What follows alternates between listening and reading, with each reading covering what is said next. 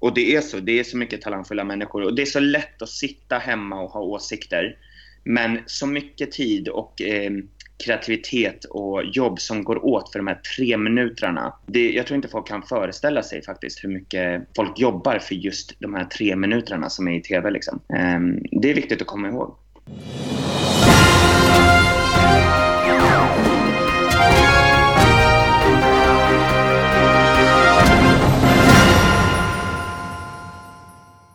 Allihopa och välkommen till ytterligare ett avsnitt av Schlagerbefinnernas podcast. Efter ett litet, litet kort, eh, ja vad ska vi säga, vinterlov så är vi tillbaka med full styrka och en fullmatad podd. Jag sitter som vanligt i Göteborg och Ronny finns i Stockholm. Hej på dig! Hej på dig! Jag sitter som alltid i Stockholm och bossar. Ja, bossar lite. Eh, jag måste säga det är jätteroligt att folk har frågat efter podden. Vi är borta en vecka och jag tror att vi har fått kanske åtminstone fyra, fem stycken som har frågat var den håller hus, vilket jag tycker känns kul. För det känns som att den har blivit en liten vana. Men eh, vi tog som, alltså Dels så har vi haft ganska fullt upp båda två och jobbat. Du har gjort en tidning som kommer ut i veckan. Är den späckad yes. med, med mellogrejer? Kanske inte. Den är inte så späckad med Mello överhuvudtaget skulle jag säga. Är, nu, nu, känner jag mig redo att gå vidare och lämna Melodifestivalen 2017 bakom mig. Och ladda inför det stora Eurovision-numret som kommer nästa gång. Nej. Nej. det var lite roligt faktiskt att jag gick igenom vad jag gjorde till, ehm, till, till majnumret förra gången. Och då var det väldigt mycket Eurovision. Bland annat att vi intervjuade fem stycken bögar i europeiska länder som var på väg till Eurovision i Stockholm. Vad de hade för förväntningar och sånt. Och sånt är alltid kul att gå tillbaka och läsa. Men jag tror det som vanligt att vi, vi, vi, kommer väl skriva liksom de här tio låtarna, det som det pratas om och det här är det som kommer hända. Det blir en liten Eurovision special i majnumret av QX. En liten liten, annars får ni lyssna på den här podden för här kommer vi gå in på höga växlar och köra jättemycket Eurovision eh, framöver. Men vi tänker faktiskt inte släppa, vi tänker hitta en jättebra brygga idag och bygga ihop Melodifestivalen med Eurovision. För vi har bytt in en gäst som kommer lite senare i den här podden. Men först ska eh, Ronny och jag snacka lite om saker som har hänt. För det har hänt lite de här eh, två knappa veckorna som vi har varit borta från podden. Eh, största grejen är väl kanske Ryssland som inte var med förra gången vi poddade utan kom med dagen efter och eh, sen har hunnit blivit både utslängda, inbjudna igen och hoppat av eh, sen vi pratade sist. Har du hängt med hela den här soppan eller? Någonting? Inte det minsta. Det babblas på i vår lilla tråd som, som alltid och jag bara kopplar bort allting. För jag är faktiskt, så du får gärna berätta, jag är inte så intresserad faktiskt av, av hela Rysslandsgrejen som alla andra veckor. Men du får jättegärna sammanfatta. Ja men grejen är ju att alltså Alltså egentligen, det är ju så, det är så märkligt på så många olika nivåer det här. Jag menar, vi alla vet väl, alltså alla visste ju redan förra året att det var, jag menar, Ukraina och Ryssland ligger i krig med varandra. Det var ju själva grejen när de vann förra året över Ryssland. Alltså det var ju snacket redan då. Så det är lite chockerande att EBU inte verkar liksom har förstått det här på ett år utan bara tänkt att nej, men det kommer väl att lösa sig. Det är ju nämligen så att, att eh, Ukraina har ju förbud mot artister som har åkt till Krim efter de blev liksom eh, annekterade av Ryssland. Alltså om man är där och liksom tar ställning för Ryssland då är man inte välkommen in i Ukraina. Det är liksom, eh, det står, det är ju krig liksom. Så det står ju i deras lagar att så funkar det ju. Eh, vilket ju gör då att Självklart så utnyttjar Ryssland det här och de gör ju det på sitt absolut mest ryska sätt då genom att skicka en tjej i rullstol. Vilket ju gör sen att när Ukraina då eh, vände bakut och sa att nej men hon får inte inresetillstånd i Ryssland för hon har varit på, äh, i Ukraina för hon har varit på Krim. Så säger de oj titta vad ni gör med den här stackars handikappade tjejen i rullstol. Titta Ukraina vilket elakt land det är. Eh, och det sjuka är att de upprepar konstant att den här tjejen sitter i rullstol vilket är liksom Eh, på något sätt att förminska den här artisten verkligen till att bara vara en kvinna i rullstol känner jag det som. Så här. Och sen kan man ju också ifrågasätta då varför Ukraina inte vill släppa in, alltså om man nu tar på sig den här tävlingen så kanske man får bara svälja att man behöver släppa in alla artisterna som ska tävla. Samtidigt som Ryssland då såklart är medvetna och gör det här fullständigt medvetet. Så det är ju en jävla soppa. Ehm, det slutar ju med då, eller att EBU tillät Ryssland att få liksom typ skypa in sin artist. Att hon skulle kunna sjunga i Ryssland och så skulle man klippa in det i programmet för att hon ändå skulle kunna vara med och tävla. Eh, vilket ju också bara tar upp en massa märkliga saker. Om vi nu inte ens behöver vara på plats, varför har vi den här tävlingen då överhuvudtaget? Eh, och ryssarna svarade såklart då att nej men själva grundidén är ju att komma, det här är bara en för bla bla bla. Så då hoppar de av liksom. Så först blir de utkastade, sen blir de intagna igen och nu hoppar de av. Så att just nu tror jag i detta nu att Ryssland inte är med. Men det känns som att det där ändrar sig varje dag. Och jag tror att EBU vill ju liksom det är såklart att det är totalt misslyckande för tävlingen om ett av länderna inte är med och Ryssland och sådär. Och Ryssland har ju också hotat med att aldrig komma tillbaka igen om de inte får vara med i år och sådär. Så det är ju, det är ju stor politik på hög nivå och på något sätt verkar EBU bara blunda och tro att alla ska lösa sig om man håller varandra i handen. Eh, ja, så där är vi nu. Sen så vill jag säga också rent musikaliskt är det ju en skitlåt, punkt. Så att för just ur den aspekten, för oss som gillar tävlingen, så är det strunt samma för mig om Ryssland är med eller inte. För det är nog en av de sämsta låtarna i, i, i tävlingen i år. Jag, jag, jag, tycker inte att den var så farlig om, jag ska vara helt ärlig. Jag tycker att den är bättre än, än, än en hel del annat ändå. Jag tycker själva grejen är ju så här, det är min lilla käpphäst att alltid hata de här fredslåtarna liksom. Eh, men jag, jag, tyckte att den, jag tyckte att den, den melodin var, var okej. Okay. Däremot kan jag tycka att det skulle vara intressant om de var med för jag tror inte att det skulle gå så bra. Och just därför vore det intressant att för en gångs skull så skulle Ryssland placera sig på en ganska Eh, eh, taskig plats ja. mm. i, i, tabellen. Och det kan vara lite, lite befriande så det inte alltid är Ryssland i topp liksom på något sätt. Mm. Nej, det, jag håller med. Jag håller med. Det, men det är ju, alltihopa är ju bara en soppa och det blir ju liksom, ja. Vi får väl se. Det är, det är inte liksom den första soppan som den här årets tävling har eh, varit indragen i. Så det, det verkar som att vad som händer den där lördagen i maj, det är det verkligen ingen som vet nu. Varken med tävling eller med eh, vilka länder som kommer vara med. Eller så. Det känns som att det liksom allting verkar bara utvecklas efterhand. Fortfarande en röra skulle jag säga. Men ja, som sagt, just nu när vi spelar in det här så är inte Ryssland med i tävlingen. Eh, vi får väl se. De är fortfarande kvar på Eurovisions officiella sida och så vidare. Så att vi får väl se. Ja, det var, det, var, det var väl det, kanske den stora grejen. Sen så har ju SVT bestämt sig för att lägga ner sina införpoddar. Eller vill säga inför-poddar, det är de vi har tagit upp. Sina införprogram, en tradition som har funnits hur många år som helst i SVT. Men i år så blir det ingen inför Eurovision. Vad tycker du om det? Jag, jag, jag, på ett sätt kan jag bli lite, lite, lite ledsen för att det är ju en tradition på något sätt att, eh, att de här alltid har funnits. Det här, det här var ju det man älskade liksom när man var liten och, och på, på 90-talet när typ ingen annan tittar på det här och jag älskar liksom att titta på de här konstiga grekiska videosarna och Janne Jingeryd berättade om liksom att hur det skulle gå och vad det snackades om och till de här nordiska råden och sånt som, som det har varit med och kändisar som Lena och Nanne och sånt liksom. Men jag kände att spiken i kistan var ju verkligen förra året om, med, med den här totalt tandlösa panelen och som, som liksom betygsatte enligt så här helt vansinniga skalor liksom Oscar Sia, Victoria, eh, Panetos-snubben och eh, Paparizzo. Paparizzo. det var ju bara så dåligt och det är totalt ointressant. Vem bryr sig om vad liksom fyra rätt, eh, Eurovision-ointresserade kändisar tycker? Då var ju Nordiska rådet där fanns det ju en poäng i alla fall. Liksom att man fick så här, ja men okej, så här känner Danmark inför det här och när de inte har någon relation till artisterna och sånt på det sättet. Och, och alla var ju väldigt Eurovision-intresserade så det var kul. Men däremot, jag vet inte, det, det har nog gjort sitt och jag känner bara, det här lämnar ju bara utrymme för oss proffs. precis. det är precis så det är. Nej men jag håller med dig helt där. För, för det vi har, eh, för att vara blygsam, det är precis det du sa. Det finns ju ett intresse och när vi nu letar efter folk som ska vara med i de här poddarna, för givetvis kommer vi göra Eurovision-poddar. Eh, det är ju folk som är intresserade, som har någonting att säga, som, som har någon anknytning till Eurovision eller som har någon anknytning till, till ett land som inte är Sverige. Alltså att det finns, finns en vinkel, att man inte liksom fyra random människor som sjunger. Liksom. Det, det, det är jätte, jättemärklig idé. Mm. För jag menar, Elena, visst var det Elena Paparizou som sa att hon aldrig skulle sätta under tre förra året för att hon tyckte att det var så kul att alla var där eller något. Man bara, men meningen i den liksom, så himla konstigt. Ja, och det, det var så extremt spretigt också när de hade en betygsskala från 1 till 10. Då var det så här att eh, vissa av dem bara häftade. Bara, ah, det här var inte så jättebra men, men det var en fin klänning. Jag sätter en 8. Typ men precis också det där när man verkar bara titta på videon som har blivit mer och mer. Alltså jag vet inte om det är liksom att de har haft in så mycket unga. Alltså det känns som att de som sitter där inte riktigt fattar tävlingen heller utan man sitter där och diskuterar liksom videon och hur de sjunger och sådär. Och man bara, jo fast det här är ju inte live liksom. Det här är ju en, video som folk har slängt ner massa pengar på. Och att man inte ser bortom det och sådär. Och att man inte på något sätt analyserar hur de ligger i startfältet, hur det har gått för dem tidigare. Alltså den biten som är det liksom intressanta. Eh, så jag håller med dig helt. Och jag menar, och det, jag vet att folk fortfarande alltid pratar om Nordiska rådet. Men det var väl, var inte det typ 20, 2010 eller något sista gången som det var? Så det har ändå varit som sju år sedan som det, som det har varit andra saker. Eh, som bara, som, som, du säger, som har blivit sämre och sämre i, i olika... Ja, det har varit lite bra ibland och kanske lite beroende på panelen och sådär. Men de har ju, jag känner också att SVT har verkligen bara mjölkat ur det där och jag, jag vet när jag pratar lite med folk på SVT nu eh, om det här innan under Melodifestivalen. För jag, jag hade faktiskt hört innan att de skulle lägga ner det.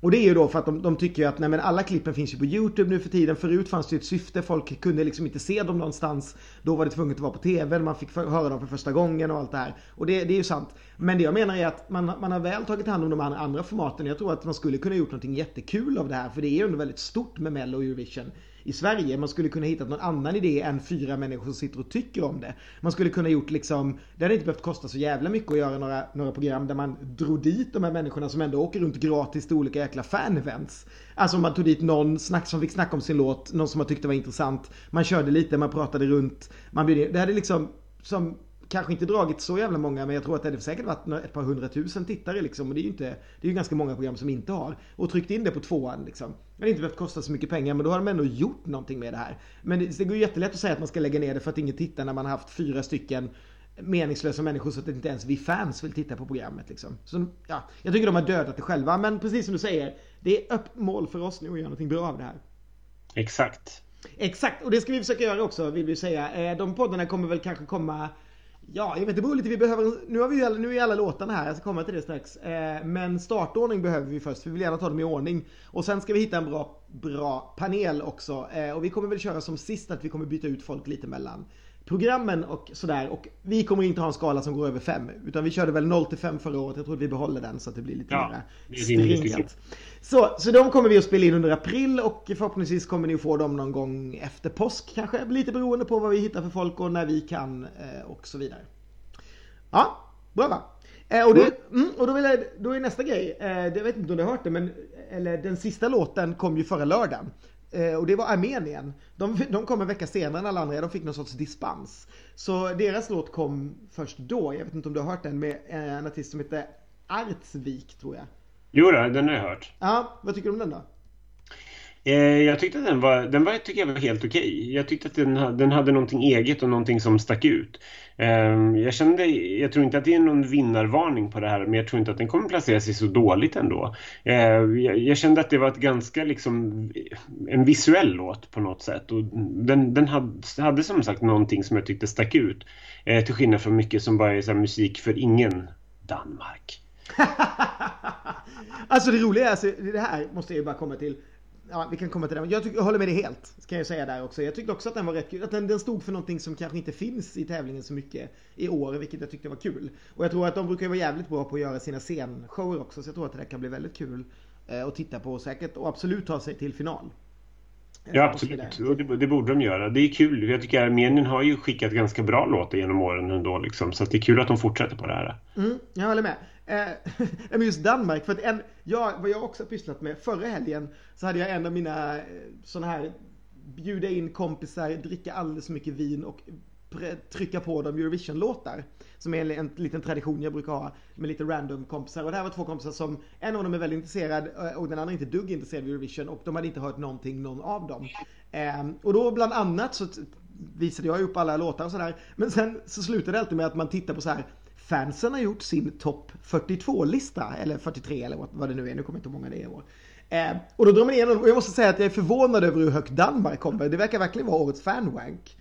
Alltså, ja, det tror, jag, det, det, tror jag, men där tror jag att det bygger lite grann på att hon är ett sånt där namn som Eurovision-människor har vetat vem hon är. Och hon föll på mållinjen förra året mot de här, mot de här liksom snubbarna som, som nog inget fans ville skulle vinna. Och sen så fanns det något stöd för det och sen är det liksom den här, ja men så här snygg tjej som sjunger en låt som är rätt oförarglig. Men för mig är det verkligen bara så här obegriplig. Det, är så här, det här är musik för ingen tycker jag. Vem ska tycka det här är bra? Sen vet jag att folk, inklusive mig säkert, kommer börja tycka det är bra när man har hört det tillräckligt många gånger. Men det gör man ju med allt liksom. Men mest mm. för att det är så oförargligt. Och jag stör mig så mycket, jag har sagt det här förut, jag stör mig så mycket på de nordiska länderna som har samma möjligheter som oss att göra någonting fantastiskt. Även om det inte är lika stort såklart som Melodifestivalen så har både Norge och Danmark otroliga förutsättningar att sålla fram bra, bra låtar. De har gjort det förut. Och därför blev så besviken på att de i år skickar liksom meh. Ja, verkligen. Verkligen. Jag, jag måste säga, jag, då, Danmark håller jag nog liksom sist av de nordiska länderna i år. Jag vet, både du och jag gillar ju Island även om den går otroligt dåligt på bettinglistan om man kollar vad, vad bettingfirmorna tror ska vinna så är ju Island långt, långt nere. Jag trodde den skulle ligga typ topp 10 i alla fall men den är ju långt, långt efter. Um, men, men den är ju en favorit och Finland har jag också börjat ta till mig lite. Den har ju du eller, känt på länge eller den var du med och röstade fram som vinnare till och med. Eh, men den tycker jag också nu när jag, när jag har hört allting annat så tycker jag att den ändå står ut på sitt lilla sätt även om den inte är helt där. Men jag börjar hålla med dig nu om att den har nog kanske chans att ta sig till final mm. i alla fall. Mm. Eh, och Norge för den delen också ganska menlös men på något sätt på något sätt så sitter den i mitt huvud vilket stör mig för jag tycker inte om den men den fastnar. När jag har hört den några gånger. Så att, ja, så att danskarna är definitivt sist för den kommer jag aldrig ihåg. Om vi nu tar den nordiska loppen. Um, ja, nej, ja, jag ska inte prata för mycket om Eurovision-låtar för då har vi ingenting att prata om i de där programmen sen. Men det är kul att stöta och blöta dem lite. Eh, och just om ni inte har någonting att göra så rekommenderar det där och ni ändå vill bara så här lära er de här låtarna. Gå in och bara kolla så här topp 43 Eurovision 2017. Det, kommer, det är liksom hundratals fans som har klippt ihop mer eller mindre riktigt avancerade så här collage på vad de tycker är bra. Och det fåniga är att jag är liksom varenda gång, fast det här är alltså random människor whoever och jag vet det betyder ingenting så blir jag jätteglad när Sverige är typ topp tre.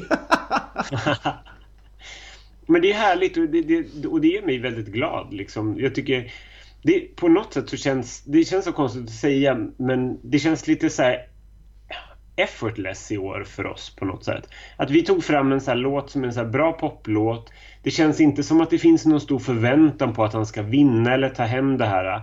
Men vi kommer ändå placera oss bra i slutändan för att det är en bra låt. Det är så självklart för mig tycker jag att den ska vara topp 10 liksom. Mm, jag tror det också. Och det känns inte som att vi behöver anstränga oss så mycket vilket låter hemskt att säga. Eh, men vi har ju vi har gjort helt rätt jobb i Sverige tycker jag. Jag håller med. Eh, min, min enda är väl så att det är verkligen en sån låt som folk har typ två eller trea. Mm. Och ofta ska man ju ha liksom låten man, vill, man ska ju ha ettan för att vinna. Men tvåan och trean funkar ju också i, i, en värld där folk ringer lite hit och dit. Men det är alltid farligt att ha den som alla har som sin tredje, fjärde bästa låt också. För att det, risken alltså, är ju att man inte får, får så mycket poäng som man får när man är ettan. Man, om man är till exempel en sån låt som Portugal i år som är en sån låt som liksom vissa människor verkar älska passionerat och andra typ vrålhatar, vilket 1944 var förra året också. Mm. Då, kan, då kan man vinna eller också kan man totalfloppa men det handlar lite om, då har man ändå liksom ett gäng som slåss för den liksom.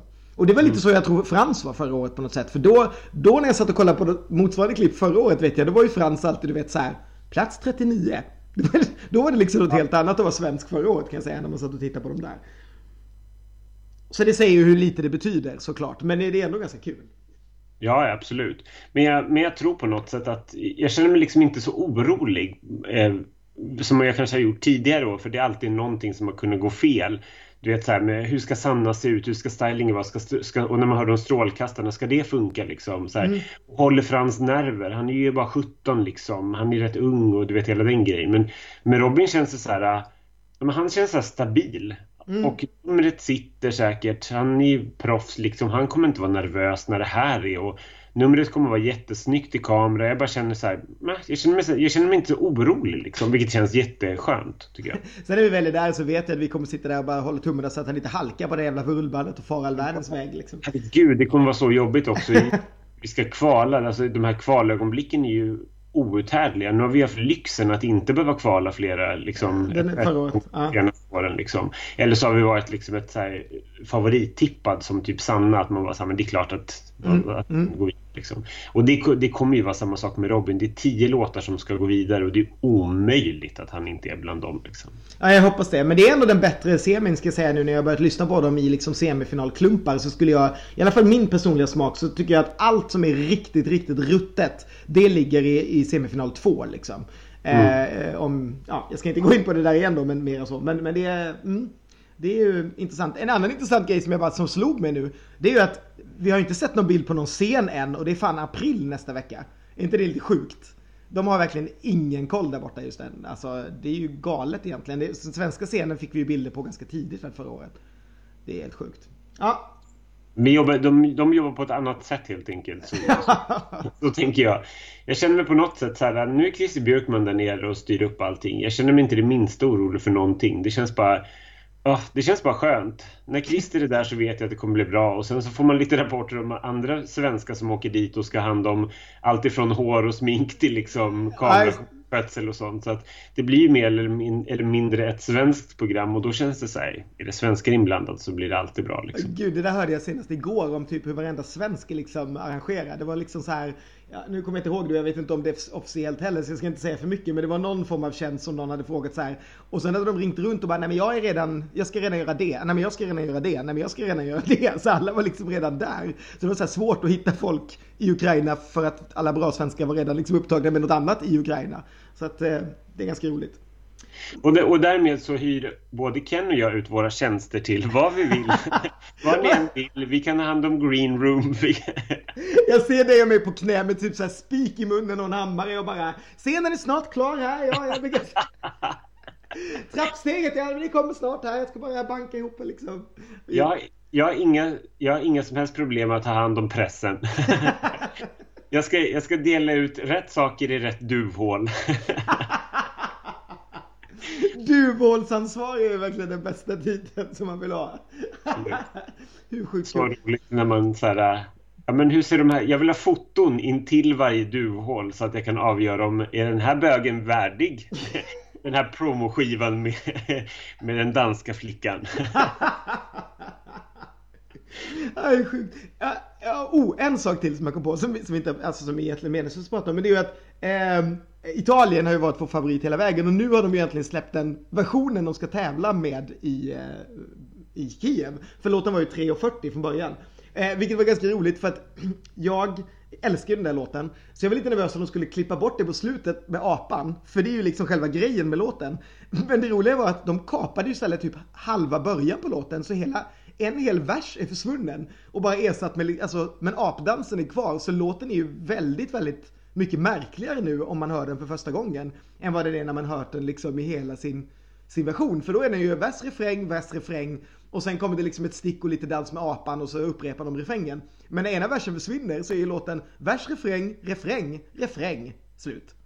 Jättekonstigt. Men äh, ja, den är, den är märklig. Men äh, jag, jag fattar ju hur de har tänkt för att själva apan och den biten är ju liksom det som sitter. Och mm. närmast är allé-biten. Men eh, om man har lyssnat ihjäl sig väldigt mycket på originalet, vilket ju man har gjort om man är fan, men det har man ju inte gjort om man sitter och tittar på Eurovision. Då är det ju verkligen så här, oj, vad konstigt det lät. Så att, eh, ja, det ska bli spännande. Men eh, de får väl fortfarande räkna. Jag såg att deras odds var typ två gånger pengarna. Och sen så tror jag Bulgarien numera är tvåa och Sverige trea. Eh, senast jag tittade på någon sån här oddslista. Spännande. Det känns på något sätt som att det är väldigt liksom självskrivet att det blir Italien. Jag kan liksom inte, jag kan inte se någonting annat. Vad, alltså, vad skulle kunna hota egentligen? Det är ju såna här riktiga, då är det ju riktiga dark horses egentligen, är det inte så? Mm, jo, det är väl lite så, men det roliga är att om man tittar, här, om man tittar på oddstoppen så är det ju Italien, Bulgarien, Sverige, Belgien och Portugal. Och vad man än, det roliga med de länderna är ju att alla, om vi bortser från Sverige och vi är i toppen och vi ska vara i toppen. Men mm. de andra fyra är ju verkligen länder som lite är på gång. Om du fattar vad jag menar. Alltså, Portugal är ju, liksom, skulle vi inte vilja säga att de har varit på gång, men de är ju verkligen ett land som folk unnar en liksom favorit. För de har ju alltid varit liksom i botten. Eh, och samma sak, Belgien och Bulgarien är ju också liksom eh, on the rise. Så det är väldigt roligt att det känns som att odds, de som oddsar, de känner att ja, men nu vill liksom Europa åka någonstans västerut och till ett land som ja, Bulgarien är inte västerut kanske, men, men ett land som inte har haft det innan och de tror att det är liksom dit folk kommer gå i år. Och jag hoppas det också. Det vore jätteroligt. Alla de länderna där, vad, man, vad jag än tycker om låtarna som vi kommer till i senare poddar, så heja heja säger jag. Det är väl jättebra liksom om, om någon om de vinner. Ja, det roliga är att jag känner ju bara... Jag blir mer och mer så här egoistisk när det handlar om att ta fram vinnare. Utan jag vill ju bara att en, ett land vinner som jag vill åka till. Det spelar mindre roll att låten är bra. Jag känner så här... Nej, fast det är, det är inte sant riktigt, men ungefär. Man blir ju väldigt glad för de här länderna för att det är så kul länder att åka till. Liksom. Men mm. vi får se. Vi får se. Ja, men jag tänkte att vi kanske inte ska prata så här jättemycket mer nu, för vi har ju faktiskt eh, med oss en gäst i eh, i vår podd idag. Vi hade ju tänkt att vi skulle, vi skulle ha det lite framöver och det tänkte vi börja med nu. Jag vet inte, ska vi presentera honom när vi har ringt upp eller ska vi göra någon presentation nu? Eller vi kanske bara ringer upp och så, äh, vi så kör upp. vi det därifrån. Vi ringer upp och så kör vi det därifrån.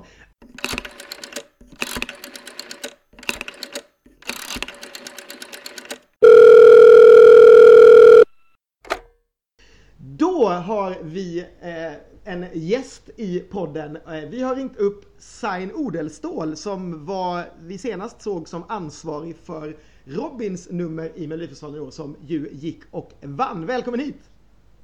Tack så hemskt mycket! Kul att ha dig här! Kul. Eh, Eh, eh uttal är ditt namn rätt? Sain? Helt rätt! Bra! Eh, då, har vi, då, då har vi börjat bra i alla fall. Det har vi. eh, jo, vi pratade precis innan vi kopplade in det här om första gången vi såg dig på en melloscen och jag tror att det var Jag vill om du vågar med Pernilla Wahlgren. Stämmer det eller hade vi sett det innan där någonstans? Jag tror att det stämmer. Eh, jo, det stämmer nog. Ja, det är första gången. Hur kom, du in, hur kom du in på det? Hur kom det sig att du dansade bakom Pernilla Wahlgren i Melodifestivalen? Eh, det var på grund av att jag kände koreografen som jag hade jobbat med innan. Eh, PM heter han då, Per Magnus eh, Andersson. Och eh, ja, han ringde upp mig och frågade om jag ville vara med och det ville jag såklart. Och, vad, eh, vad har du för minnen liksom från, från, från det året? Var det, ni gjorde ju liksom först sista deltävlingen, så var det andra chansen och sen så blev det final. Var det liksom, har du någon kul story om Jag vill om du vågar-tiden?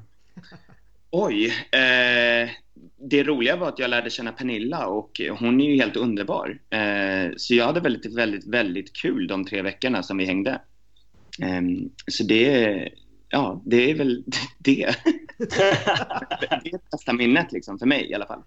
Mm. Vad, hände, vad hände sen? Vad har du liksom, I år är du, har du verkligen varit på topp och liksom har jobbat med Mariette, Lisa Ajax och eh, Robin Bengtsson, vilket är, gav fantastiska placeringar. Alla gick till final i slutändan också. Eh, vad, har du, vad har du för några mello-grejer däremellan? Oj, jag har ju, eh, jag började koreografera för Melodifestivalen ganska länge sedan. Eh, mitt första nummer som jag någonsin gjorde, det var till Linda Pritchard. Eh, hon sjöng en låt som heter Hot Hot Hot. Ah, eh, just det, vad härligt. Exakt. Eh, och sen så, eh, ja vad har jag gjort? Jag har ju, eh, för, jag har ju jobbat med Robin Bengtsson året innan eh, när han gjorde Constellation Prize. Eh, jag jobbade med eh, Lisa Ajax förra året också. och sen så gjorde jag Mariettes nummer första gången hon var med, för två år sedan. Ah, okej. Okay. Ja. Var det en självklarhet liksom att du, skulle, att du skulle fortsätta jobba med de här tre artisterna när de nu kom tillbaka till Melodifestivalen? Eller hur, hur går det till? Liksom? Eh, det var inte en självklarhet. Jag var eh, överlycklig när jag fick veta att jag skulle få jobba med de tre igen. Inte bara för att eh, jag har haft så himla kul eh, de andra gångerna utan också för att man får äran att komma tillbaka och göra ett nytt nummer. Då har man eh, fått ett förtroende som jag tycker är väldigt eh, viktigt. Så att jag var, jag var väldigt ärad.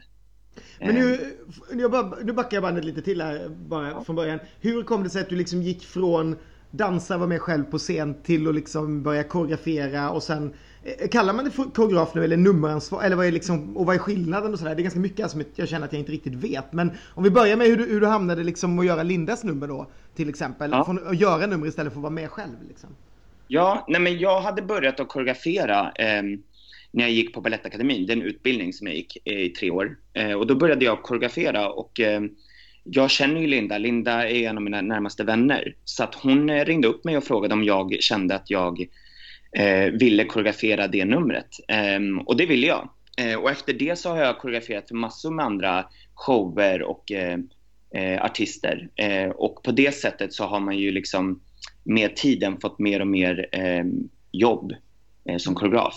Eh, men jag fortsätter ju såklart att dansa själv. Eh, men i år så gjorde jag inte det på Melodifestivalen. Ah, okay. Så att, ja. Och som koreograf då, eh, som det fortfarande heter i och för sig, så är man den som håller i liksom, inte bara att man gör steg, men till exempel i Lisa Ajax nummer så har jag varit med och ja, varit med under inspelningen av LED-filmen som vi hade där. Det är även vi som, eller jag som, en av dem som har pitchat idén om hur numret ska se ut. Um, man har varit med och klippt videon. Man, har varit med, man är med i liksom allt. Man har en hand i det mesta. Liksom. Hur, går det, hur går det till liksom, så här, vad, när, man, när man får idén till hur det ska se ut till exempel? Om vi, tar, om vi, vi var inne på Lisa till exempel, men om vi hoppar över till, till Robin då. Hur, hur, ja. liksom, hur gick tankarna där? Eh, ja, eh, förra året så hade jag redan eh, en idé om att vi skulle ha löpband på scen. Eh, men det blev det inte då. Utan, eh, och det känns ju ganska bra nu. För att eh, den idén kom när vi hörde låten. Och eh, satt ehm, runt ett bord och bara liksom hittade på eller spotta ur oss idéer för vad man skulle kunna göra. Eh, och då dök den idén upp igen att så här, men rullband skulle ju passa så himla bra till den här låten. Eh, och att det inte gjort förut. Och sen ehm, så kom idén, det var nog Robin som kom med idén att man skulle börja bakom scen och, och så byggs det lite så under tiden liksom. Ehm, ja. Hur, hur tidigt kommer man in om man, om man ska göra numret liksom? När, var någonstans i processen, liksom, hur långt innan, eh, när vi väl ser det, är, man, är du inblandad? Liksom?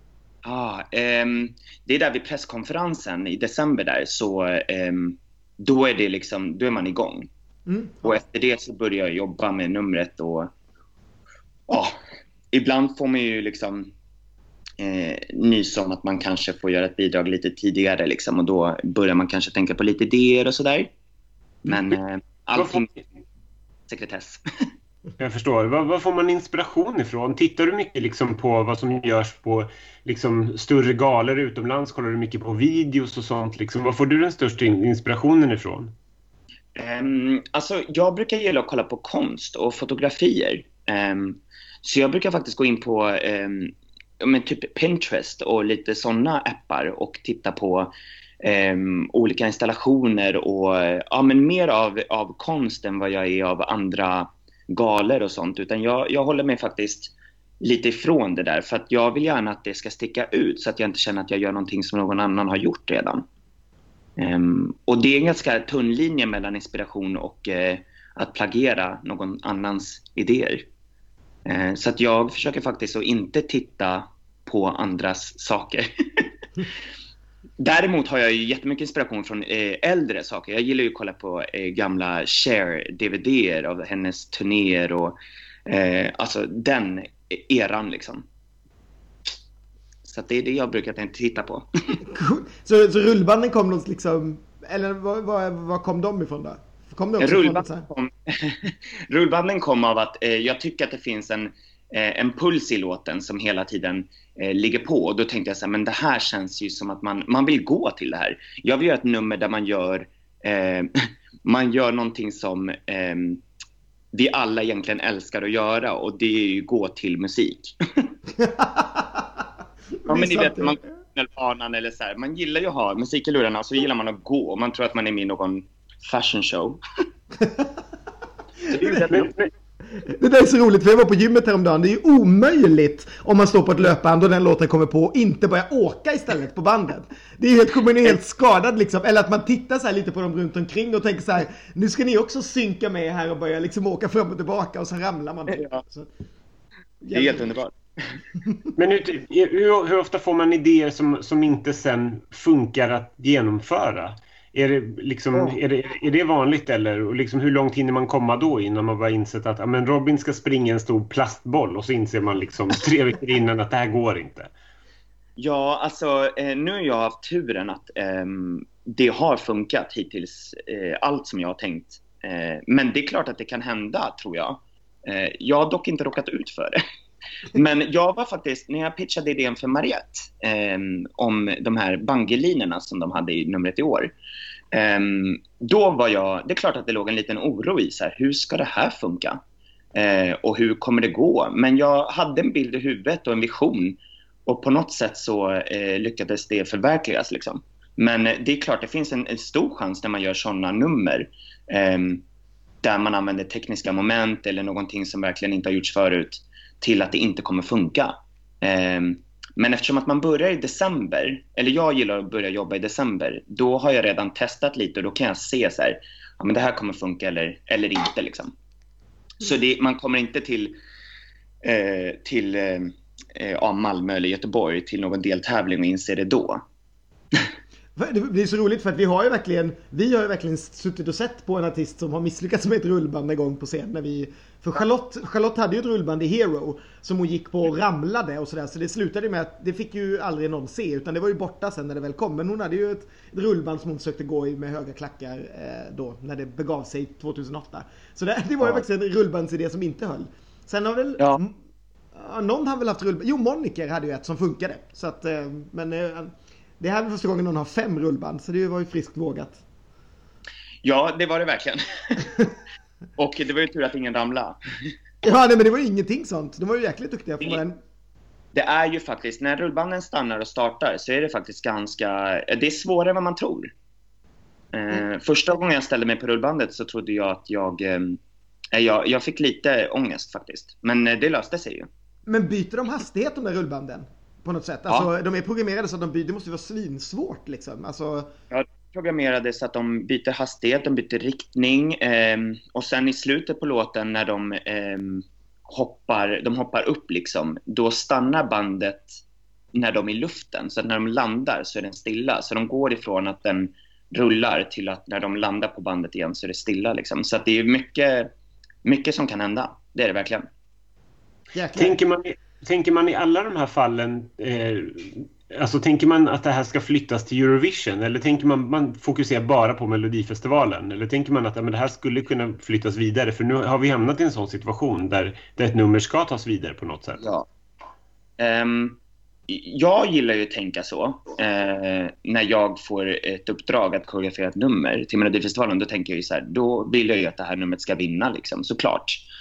Um, och då, eh, då tänker jag ju så här, ja, men som jag tycker att alla mina tre nummer i år hade eh, en potentiell liksom, eh, snygg visuell eh, bild som skulle kunna funka på den typen av scen och för den typen av publik.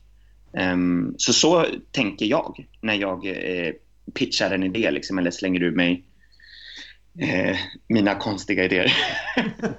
Men alltså jag, jag har ju en klar teori om att numret är en stor del i att Robin vinner. Och det handlar inte om att Robin är dålig eller låten dålig, utan det handlar om att det var väldigt, väldigt jämnt i år. Det var mycket bra låtar och jag tror att folk gick mycket på, för det hör jag hela tiden, att det där, när vi väl kommer till finalen så tänker många så här, men det där är ju ett Eurovision-nummer. Det där är ju något man liksom, det är ett paket och det gäller ju säkert internationella juryn också. Eh, så jag tror att jag tror absolut att det påverkade. Det var framförallt för oss som satt och tittade och så tycker jag att det var ju typ dina nummer. Annars var väl folk väldigt, väldigt lågmälda om man, om man bortser från Loreen. Så var det väl mm. Loreen och sen de tre numren som du, som du nämner som kändes liksom Mello, som Mello var förra året om man säger. Annars var det ju väldigt, väldigt lugnt. Tack så mycket. Men kände du också det att det var någon sorts trend att man liksom att man verkade gå till det liksom lite mer småskaliga, om det var en franseffekt kanske eller jag vet inte. Ja, det är lätt. Eh, jag, jag, kan tycka att det är lätt att man eh, påverkas av det som har funkat. Eh, men jag har ju alltid tänkt att det som funkade året innan är det som inte kommer funka det här året. Så mm. tänker jag. Så då brukar jag gilla att göra något som går emot det som funkade året innan. Liksom. Så att, ehm, men här, för mig var det också så kul att följa med de här artisterna i deras utveckling. Liksom att jag, jag kände ju verkligen att så här, ehm, alla tre fick liksom step up och göra någonting som de inte har gjort hittills. Liksom. Utan att förra gången Mariette var med, då hade hon ett ganska mörkt nummer. Så jag gjorde ett ljust nummer. Eh, förra gången eh, Robin var med så var, var han ensam. Nu har han dansare. Ehm, förra gången Lisa var med så var hon också, eh, då hade hon dansare och nu var hon ensam. Så att man också får dem att känna att de, de får bita i något och liksom att de får göra något annorlunda. Så att, ja. Eh, det, har varit, eh, det har varit, det är jättekul att det liksom höjer, eller att det, det känns som att de numren verkligen hade en, en, en genomtänkt idé och så här, för det hade de. Men det är också kul att, att, att de fick göra något annat än de gjorde åren innan liksom tycker jag. Mm. Vi var inne och touchade lite grann på Eurovision och vi, vi börjar ju närma oss. Um, får vi fråga om ni har, ni har börjat titta på hur, liksom, hur man ska förflytta um, Robins nummer till uh, Kiev? Jo, nej, men det, det, det kommer... Det funkar. det funkar. Alltså, det är inga, inga konstigheter, faktiskt. Men, Utan men... det kommer bli som vi vill att det ska vara. Liksom. Men ni kommer behöva byta lite folk antar jag, för det är väl det som är grejen. Att det, jag antar att i eh, Eurovision så får man ju bara vara sex och ni är ju redan fem. Så jag misstänker att det kommer behöva sjungas på de där. En klassiker vi har sett flera gånger innan när vi åker till Eurovision. Att vi måste byta ut dansare, eller mot dansare som kan sjunga. Det brukar vara en klassiker ja. när Sverige gör nummer. Ja. ja. Eh, det kommer vi behöva göra. ja, eh, vi håller på med. Vi håller på och eh, kollar runt och fixar inför det. Gud, Men så måste... är det. Nu, ja, i och för sig Robin både går, både går och sjunger så det borde ju de klara också, kan man tänka. Ja, eh, det enda är ju att eh, vi har liksom inte anställt dansare som kanske har sång som prioritet liksom, och då måste man ju hitta folk som kan balansera upp det där. Eh, och det vet man ju om redan innan, att går det hela vägen så är det ju, då kan det ske en skiftning tyvärr. Ja. Så är det ju.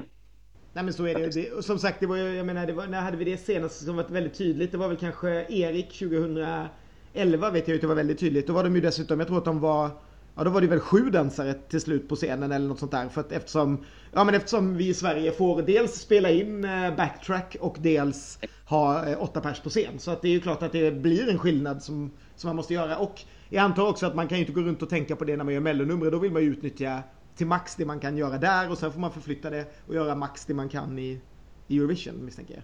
Exakt så tänker man. Ehm. Men ni kommer, få börja, ni kommer få börja bakom och sådär tror du? Eller det, det är planen i alla fall att det ska se likadant ut? Som... Det är planen. Eh, så vi hoppas att vi bara kan lyfta numret ett snäpp till. Eh, men att vi kommer kunna hålla det ganska så eh, likt liksom, och inte tappa bort eh, det här klina ehm, paketerade som vi har skapat. Hur, hur, om vi backar tillbaka till, till eh, finalkvällen. Kände du på dig att det här skulle gå hela vägen? Eller kom det liksom lite grann som en överraskning? Du hade ju som sagt tre låtar i finalen så att jag förstår att du håller på allihopa lika mycket. Liksom. Ja. Men, ehm, men Robin var väl den som var kanske i förhandssnacket var den som var trolig av, av de här tre att, liksom, att kunna vinna. Hur, hur, hur var dina tankar och känslor finalkvällen? Oj, jag var ett nervöst vrak. Eh, eh, jag, eh, ja gud vad var mina tankar? Mina tankar var nog mest liksom eh, det, men det kändes lite som att, eh, för mig var det lite så här, det är klart att jag vill att mina bidrag skulle, någon, något av mina bidrag skulle vinna, men det kändes ju som att, eh, vad heter det, eh, Victoria och Nano var lite tippade, alltså lite mer tippade. Mm. Så att jag var, eh, jag var väldigt nervös över hur juryn skulle eh, rösta. Eh, för det kändes som att eh, Sveriges eh, röster skulle gå lite enligt Spotifys eh, spelningar, liksom. hur många mm. spelningar de har. Ehm, så att när, när Robin började dra hem massor med jurypoäng, då kändes det, gud, det här kanske är möjligt nu, att det kommer att ske. men det, det var fortfarande nervöst hela vägen in till eh, tills att de ropade upp hans namn som vinnare. Eh, vissa försökte ju räkna ut det redan och vara säkra på att det var klart där mot slutet. Men jag vågade inte hoppas på det utan jag, jag höll mig ganska... Jag blundade och låg ner på golvet tror jag. och sen när de väl ropade upp Robin då hoppade jag in rakt in i en vägg. ja. Rakt in i en vägg? Det var. Rakt in i en vägg. Som att jag skulle få någon respons liksom. Nej, jag hoppade rakt in i en vägg och skrek tror jag. jag sprang rakt ut i arenan och visste inte vad jag skulle göra. Jag bara sprang ut. det är också så roligt när man inte riktigt har planerat liksom. Man bara, ja, ja okej okay, men, ja, jag är här. det var jätteroligt. Ja, men, sen, ja. Jag kör på. Nej, och sen så eh, hann jag faktiskt springa backstage för att um, Oj, nu ringde eh, Jo, jag eh, sprang backstage för att hinna typ ge dem tummen upp och krama dansarna innan de skulle köra sista gången. Liksom. Så det var kul. Härligt. Men du, nu blir det Ukraina för dig fullt. fullt. När, åker, när åker du dit? För jag antar att du får, är med i delegationen nu och kör yes. där också? Yes. yes. Jag åker ner eh, och eh, vi åker ner den 29 april verkar det som. Jäklar, det blir lång tid. Ja just det, det är, Sverige är ju första, första halvan, första semin ja såklart. Mm. Ja, det, det förresten. Det är jag och Ronny. Ronny har ju en liten teori om att vi tycker att Robin ska börja. Vad tycker du om den? vi satt och diskuterade startordning häromdagen och det är ju liksom en så här perfekt öppning, är det inte det? Man börjar ute alltså sådär. Ja, det är det verkligen. Vi hade ju så när vi var i Växjö. Mm. Eh, det är ju det är en bra start på ett program liksom. Vi får se, jag håller tummarna för den fortfarande. Jag tycker det ska ja. bli jätteroligt. Det var, det var länge sedan. Förra gången Sverige öppnade någonting i Eurovision var väl Herreys, så det gick ju rätt bra. Att... Ja, det gick ju faktiskt. Men hur, är, är du Eurovision-intresserad och har du koll på liksom vad de andra länderna skickar och så i år? Um, jag brukar, uh, jag är absolut Eurovision-intresserad och jag tittar alltid på Eurovision. Uh, jag är dock inte en sån som tittar på förhand sådär. Ehm, jag brukar hålla mig ganska neutral för att faktiskt få den här första känslan när man väl ser antingen programmet eller när man är på plats. Liksom. Ehm, men jag har hört lite blandat, lite om att Italien har en gorilla och, eh, och Ryssland nu som har lite, kanske inte ens får uppträda eller hur det nu ligger till och allt sånt där. Liksom. Ehm, så man har lite koll, lite så, men jag har inte lyssnat så himla mycket. Men jag har hört att det är mycket ballader. Ja, men det är det. Men blir man, men blir man, eh, blir man intresserad av att höra vad de andra har så att, så att man känner att så här, men, ja, men det här ska vi klara eller det här, vi ska sticka ut liksom. Jag tänker att du tänker på ett annat sätt nu när du är med liksom på, och inte bara som en åskådare. Jag fattar. Ja, nej, men jag skulle nog säga att jag, eh, alltså jag är ganska säker på att vi kommer sticka ut. Eh, så att eh, jag känner mig ganska lugn just i den eh, i det aspekten. Liksom. Att eh, Sveriges nummer kommer absolut att sticka ut. Inte bara för rullband och eh, låt och, och, så, utan även liksom, eh, färgmässigt i, i ljus och så tror jag att vi kommer att sticka ut ganska mycket.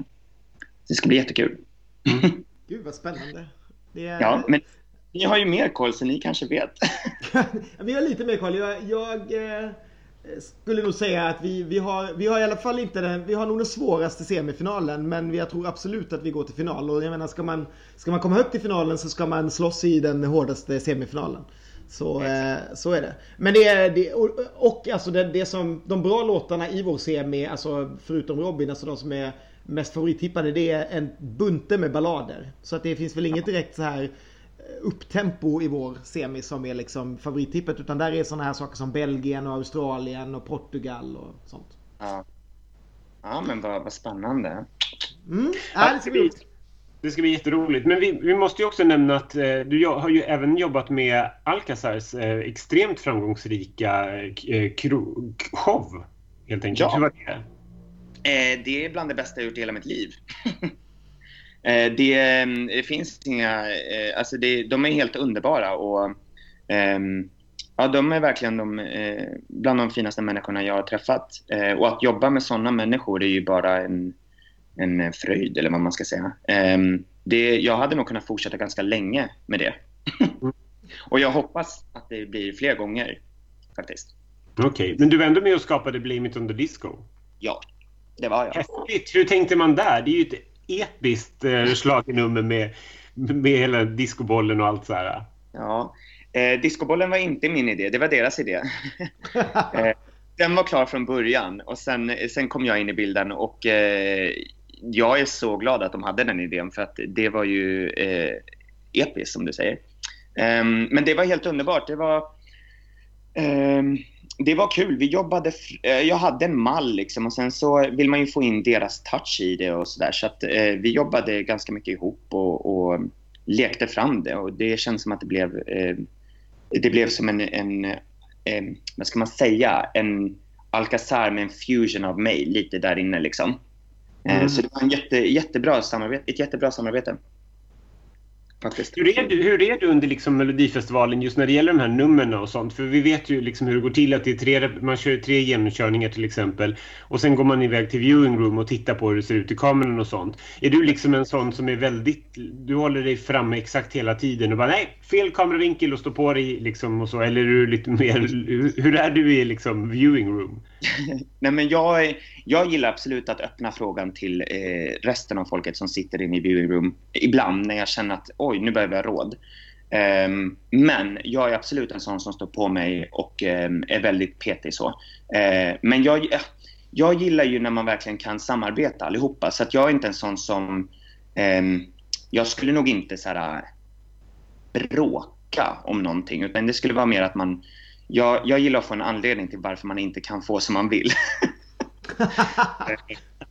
Men annars är det så här, om det är en smaksak så kan jag öppna frågan ibland och fråga eh, artist eller liksom, ja, vem som helst där inne. Så, men vad tycker du? Vad, vad, tycker du om den här bilden? Är den verkligen så snygg eller skulle man kunna ändra? Och, så eh, och såklart ibland prata med bildproducenten och, och fråga hur, hur han känner. Liksom. Mm. Eh, men jag, jag, jo, nej, men jag är nog ganska, eh, ganska eh, på. och, det, eh, ja. det är ju jäkligt mycket talangfulla människor där. Det måste vara jävligt kul att jobba. Alltså, man blir, man blir ju alltid så här knockad av hur liksom duktiga alla är som jobbar med det här programmet. Alltså ljus och ljud och allting runt omkring. Det måste vara rätt häftigt att liksom ha dem där runt omkring sig liksom, när man bygger en sån här sak. Det är helt underbart och eh, det är de bästa, den bästa perioden på året. Eh, det är de bästa veckorna på året. Det är liksom, ja, ni vet ju. vi, vi, har, vi har varit där några gånger. ja, men det är verkligen eh, Ja, gud, det är som att man längtar tillbaka så snabbt det är över. Liksom. Um, och det är så. Det är så mycket talangfulla människor. Och det är så lätt att sitta hemma och ha åsikter. Men så mycket tid och kreativitet och jobb som går åt för de här tre minuterna.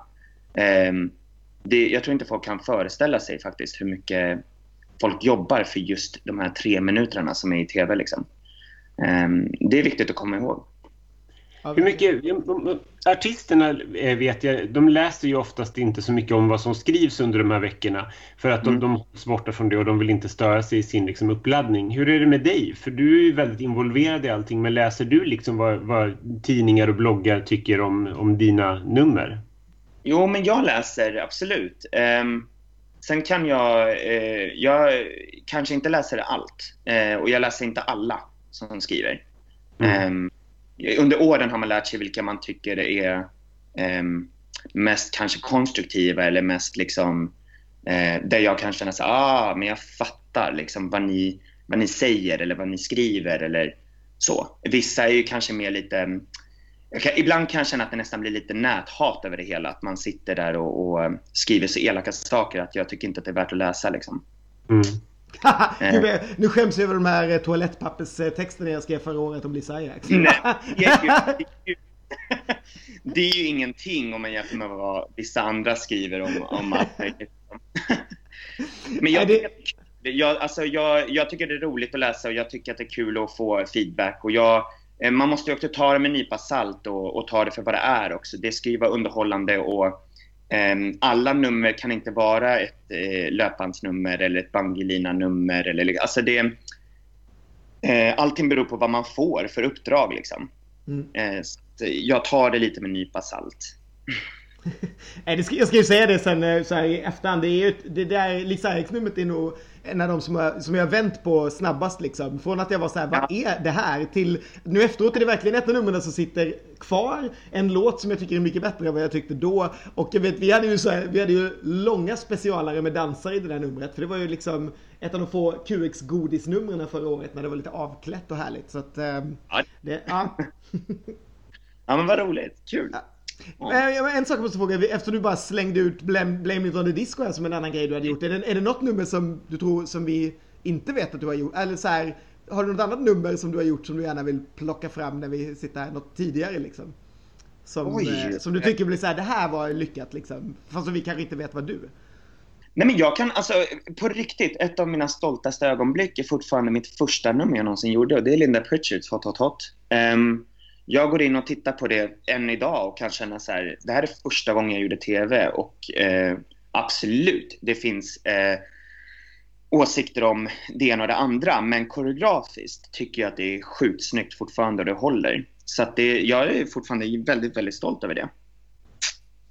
Härligt. Vad roligt. Jag, jag, jag, nu blir jag så sugen att gå in och titta på det bara för att. För jag kommer ihåg det som att jag var inte så imponerad av låten då. Men, men i efterhand så har den, har den vuxit jättemycket. Och jag spelar den ofta du vet, när man förfestar och sånt ja. där. Och så tycker jag att, att det är en av de här...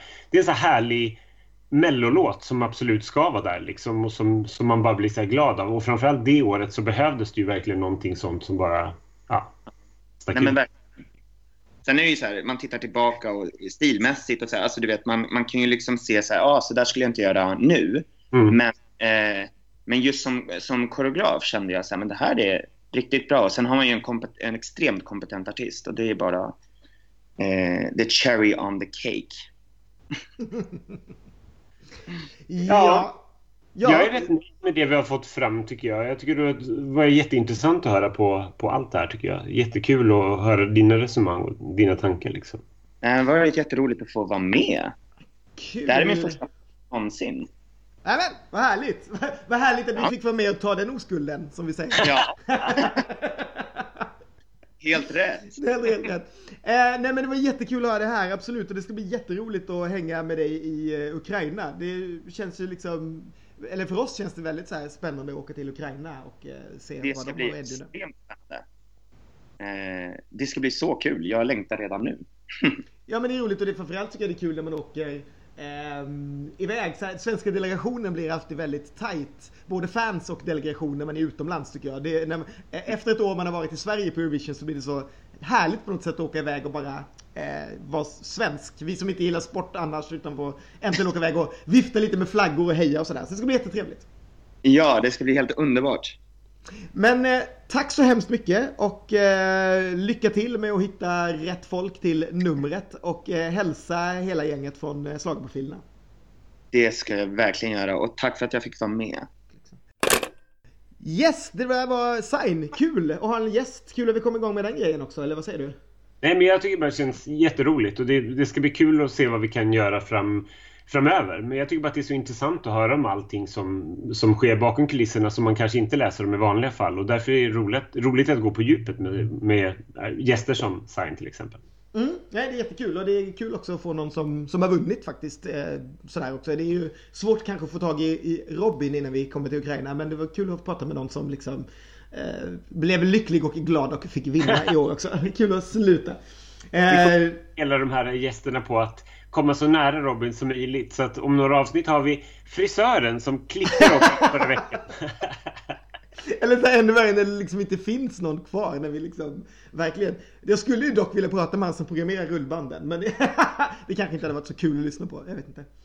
Ja, eh, nej men det var väl det. Vi ska väl inte dra så länge, mycket längre på det här. Utan eh, vi lovar att försöka komma tillbaka nästa vecka om det har hänt något. Eller om vi har någon annan ny gäst. Det får väl bli så lite nu de här veckorna att vi måste ju ändå ha någonting att prata om. Om det ska bli en podd. Det är inte riktigt som det var under turnén när vi ändå kunde pressa ur oss en hel podd fast vi hade pratat en hel vecka. Nu händer det ju inte sådär jättemycket kanske nu när alla låtarna är ute på Eurovision och sådär också. Men vi lovar och med ljus och lykta försöka hitta någon intressant gäst som kan vara med nästa vecka också.